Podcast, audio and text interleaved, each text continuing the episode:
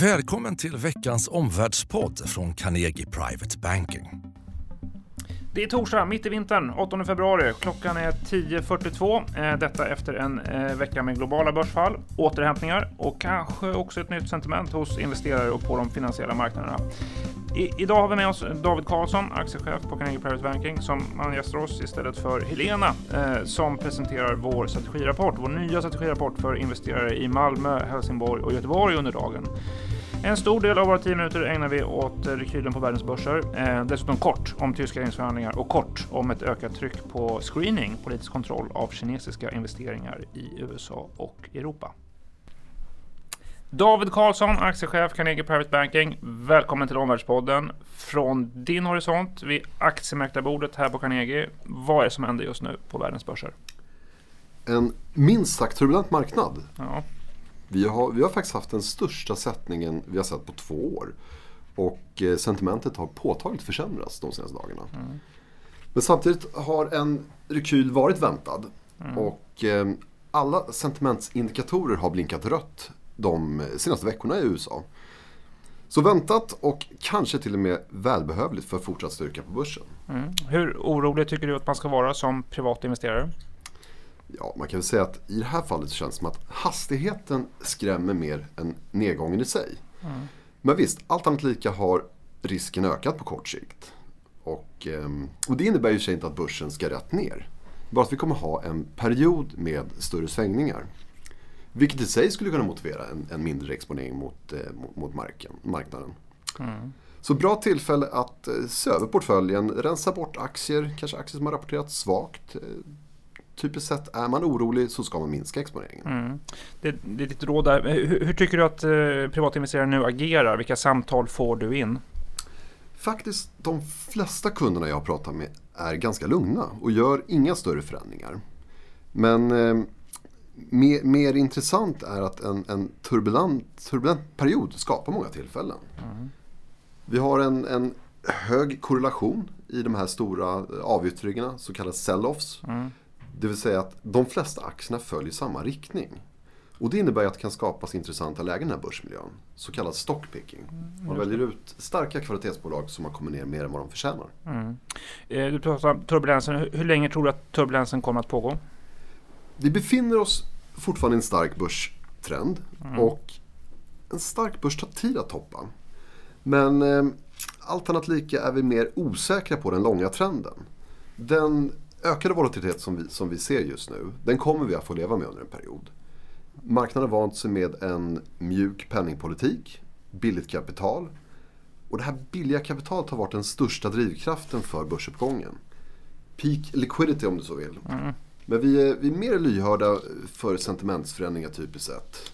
Till exempel om starka datapunkter såsom mikro eller makro tas emot negativt. Mm.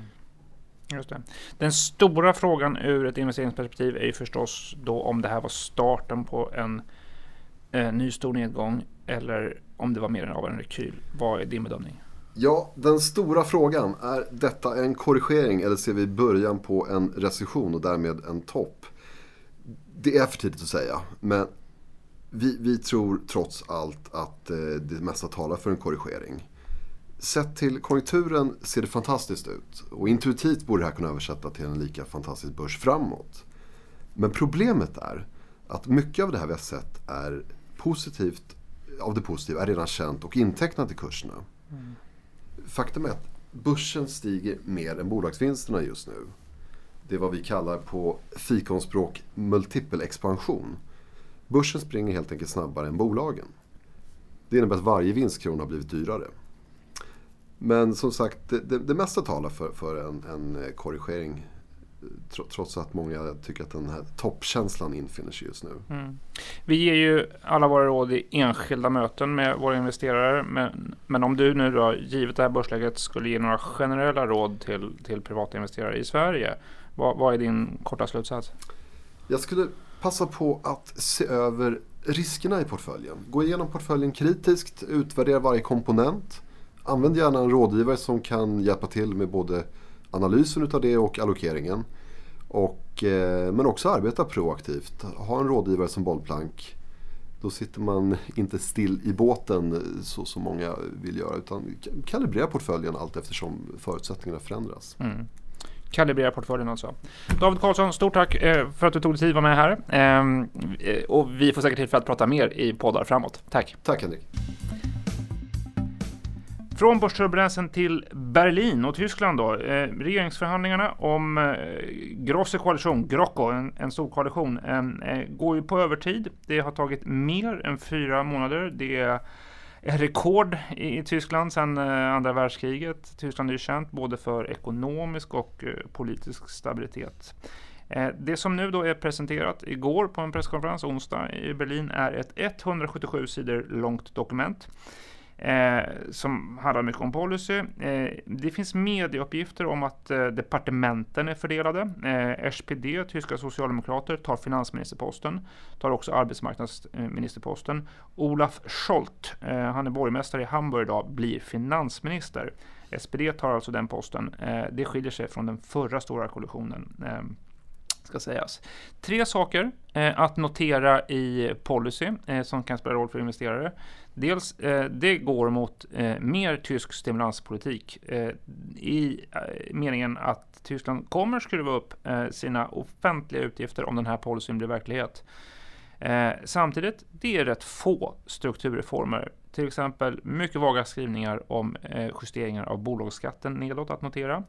Eh, istället är det ett fokus på Europa och eurozons integrering. Eh, allt det här är ganska stora omslag i tysk politik. Tyskland har ju mest varit för sparpolitik än stimulanspolitik eh, tidigare eh, och hållit emot eh, eh, förslag om fiskal fiskalunion och Eh, mekanismer och fonder på en eurozonsnivå. eh.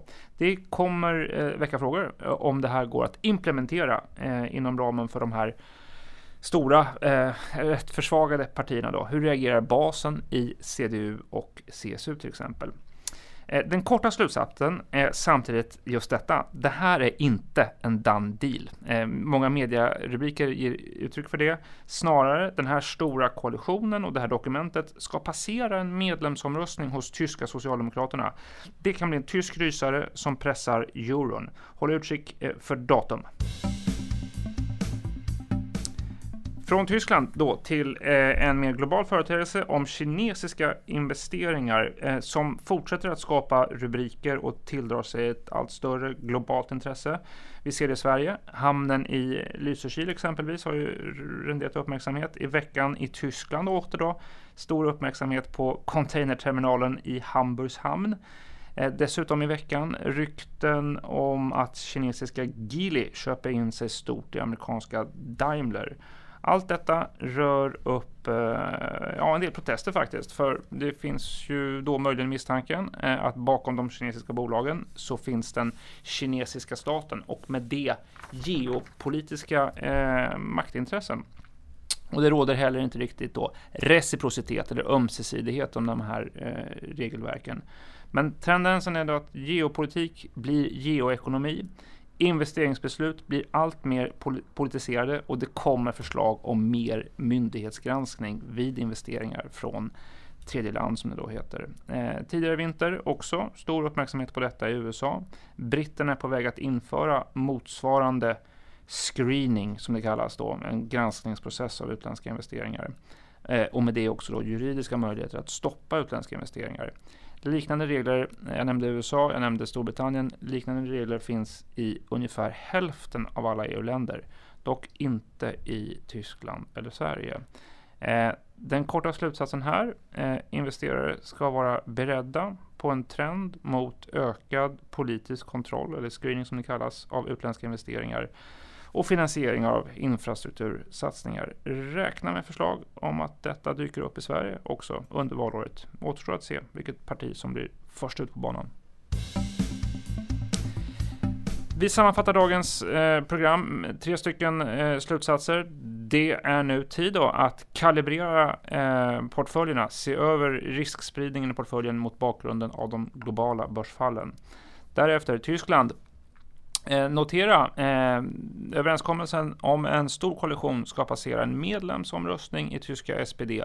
Det där kan eh, skaka euron och störa investeringsklimatet i Tyskland. Och till sist, eh, räkna med förslag om eh, ökad politisk kontroll av utländska investeringar också i Sverige under valåret. Precis som David sa tidigare i samtalet här så just nu har vi flera kunder som hör av sig till sina rådgivare och ser över eh, sina portföljer. Vi vill uppmana fler att göra det. Har du rätt risk i din portfölj för eh, din strategi och för rådande marknad? Eh, ta kontakt med en rådgivare för att se över din portfölj.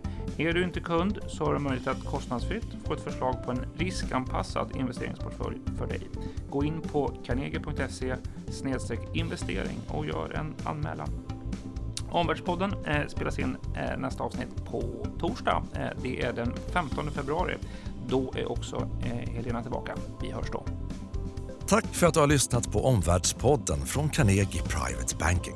Vill du veta mer om vad som händer i vår omvärld och få aktuella idéer till affärer? Gå då in på www.carnegie.se veckans viktigaste och prenumerera på vårt nyhetsbrev.